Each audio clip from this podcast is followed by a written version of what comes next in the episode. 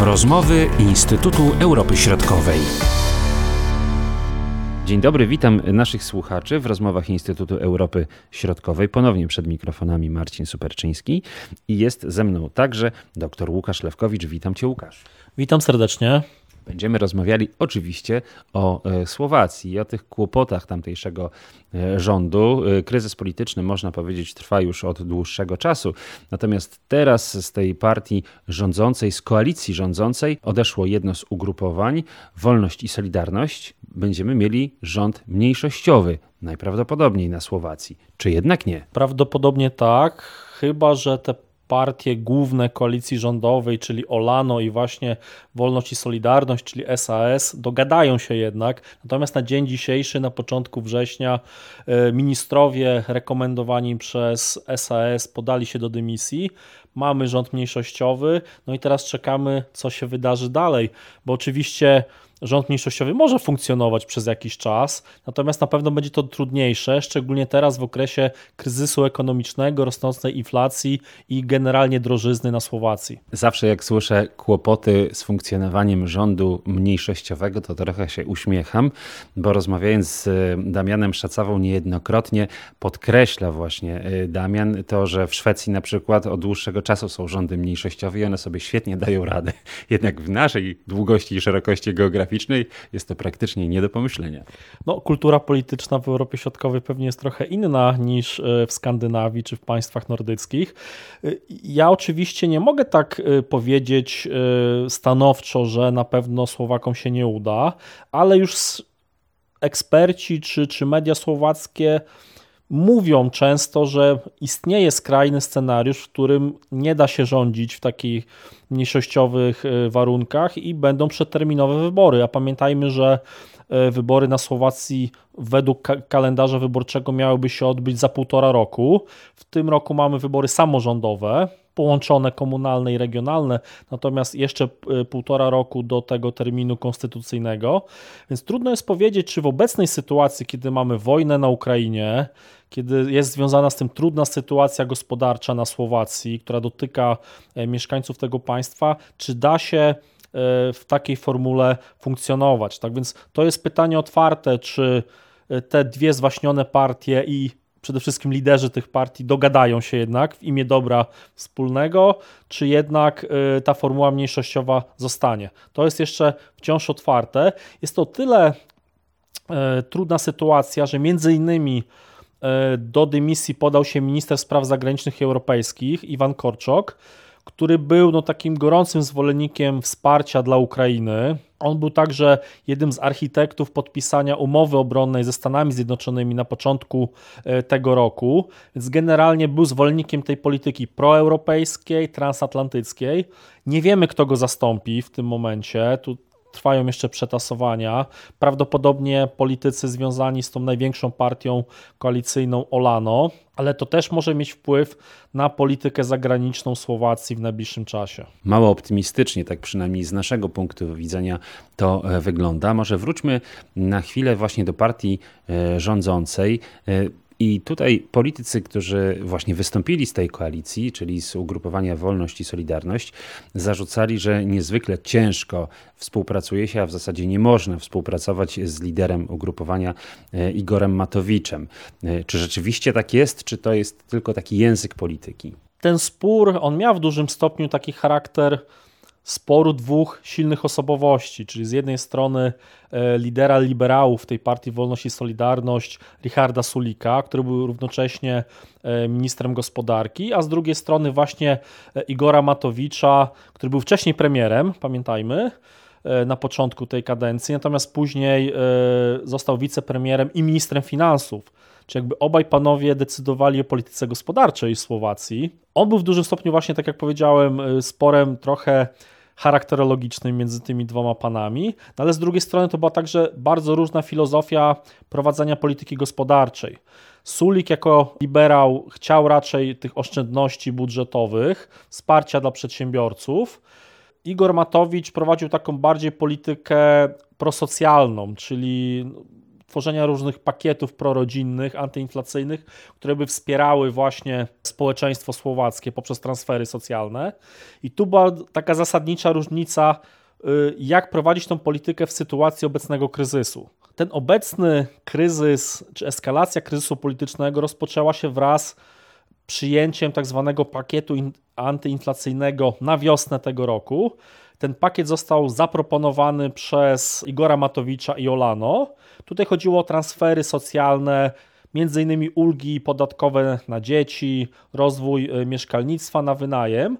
I przeciwnikiem e, tej polityki właśnie transferów socjalnych był Richard Sulik i SAS i oni odrzucili e, ten pakiet antyinflacyjny. Ze względu, że on został przyjęty w takiej przyspieszonej jakby ścieżce politycznej, Zuzana Czeputowa, prezydent Słowacji, zawetowała go. Ale weto zostało przełamane właśnie między innymi e, głosami Olano, ale także posłów niezrzeszonych związanych z taką skrajnie prawicową partią LSNS, e, co pokazało, co, co jakby zostało pokazane jako właśnie taki nieoficjalny sojusz E, obecnej koalicji z faszystami. Ten pakiet został przyjęty i wtedy właśnie Richard Sulik zapowiedział, że dopóki ministrem finansów, wicepremierem będzie Igor Matowicz, to SAS będzie chciało opuścić tą koalicję.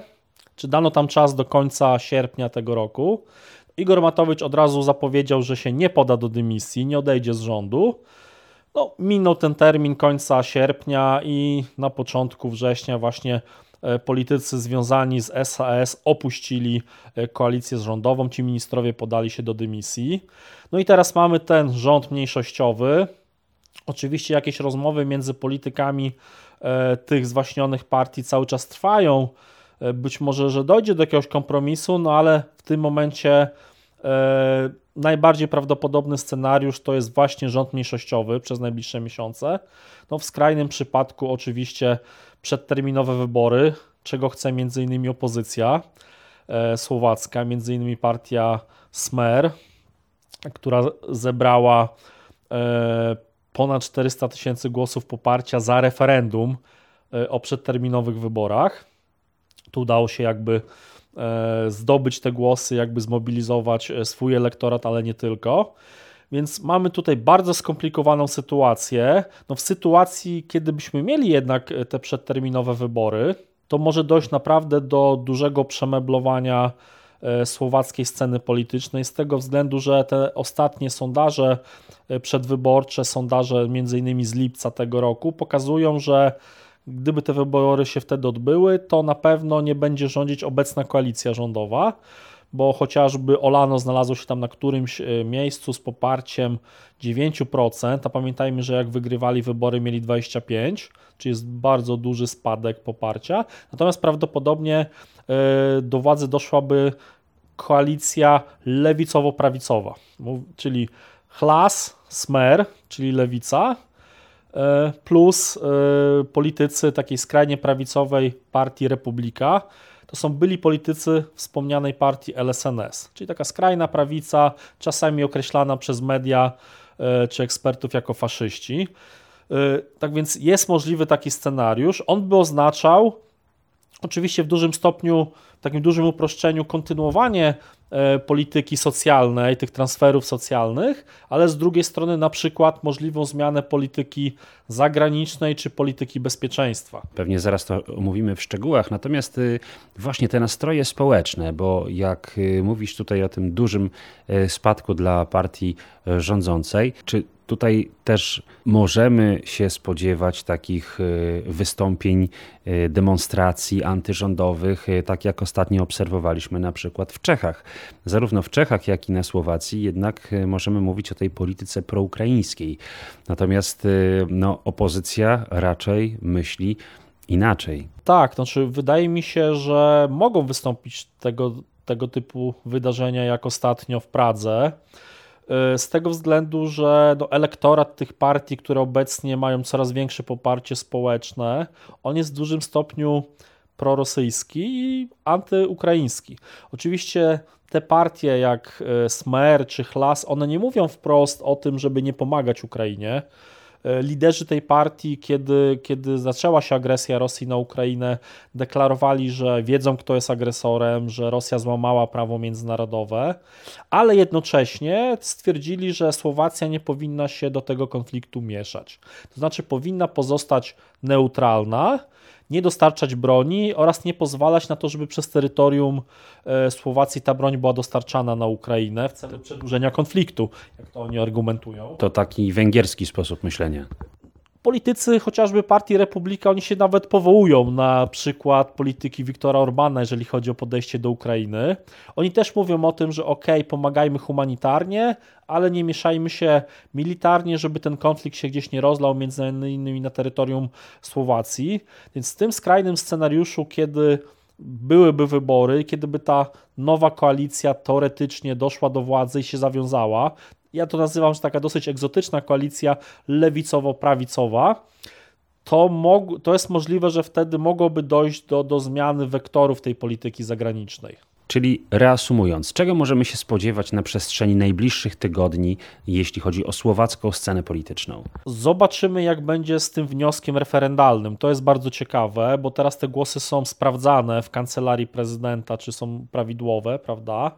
Gdyby faktycznie e, Zuzana Czaputowa zdecydowała się i pozwoliła na to referendum, bo ona jeszcze je może skierować do sądu konstytucyjnego, że na przykład te pytania są niezgodne z konstytucją, w jakiś tam sposób zastopować, ale przypuśćmy, że e, dochodzi do tego referendum, no to także może przyspieszyć właśnie te przeterminowe wybory, prawda? My tego nie możemy wykluczyć, że jeśli by referendum było ważne, to, to te przeterminowe wybory by się musiały odbyć w najbliższym czasie, w najbliższych miesiącach. E, Robert Fico zaproponował termin e, tych wyborów komunalnych, żeby zrobić referendum, czyli koniec października. Mm, tak więc już w tym roku mogłoby teoretycznie dojść do tych przedterminowych wyborów. Nie wiem, czy tak się stanie. Trzeba na razie czekać. Natomiast jeśli chodzi o sam rząd, no mamy trzy partie, czyli to wciąż jest rząd koalicyjny, trzypartyjny. On już nie może podejmować bardzo głębokich reform, bo już nie ma większości konstytucyjnej, tak jak to wcześniej funkcjonowało. Natomiast może dalej rządzić i pewne decyzje podejmować. Natomiast na pewno te najbliższe miesiące będą bardzo ciężkie. Z tego względu, że jak wspomniałem na początku, jest stosunkowo wysoka inflacja. Jest podobna sytuacja jak w Republice Czeskiej. Jest drożyzna, są problemy z dostawami energii i to się na pewno na jesieni e, pogorszy. I to może spowodować, że no, y, ludzie będą niezadowoleni, będą wychodzili e, na ulicę, e, będą skandowali hasła antyrządowe. To jest bardzo prawdopodobne. Więc to wszystko teraz zależy, jak obecny rząd e, w tym okrojonym składzie te kwestie społeczne i gospodarcze rozwinie. Znaczy, na razie mamy te pakiety pomocowe, antyinflacyjne, ale nie wiemy, czy na ile budżet wystarczy, żeby to, to wszystko, co e, Igor Matowicz jako minister e, finansów obiecał, na ile da się to zrealizować.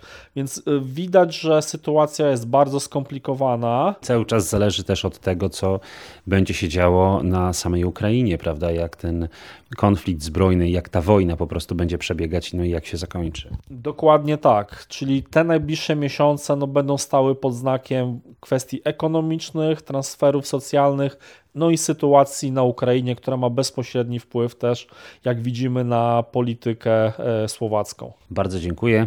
Łukasz Lewkowicz. Dziękuję bardzo, pozdrawiam. Były to rozmowy Instytutu Europy Środkowej.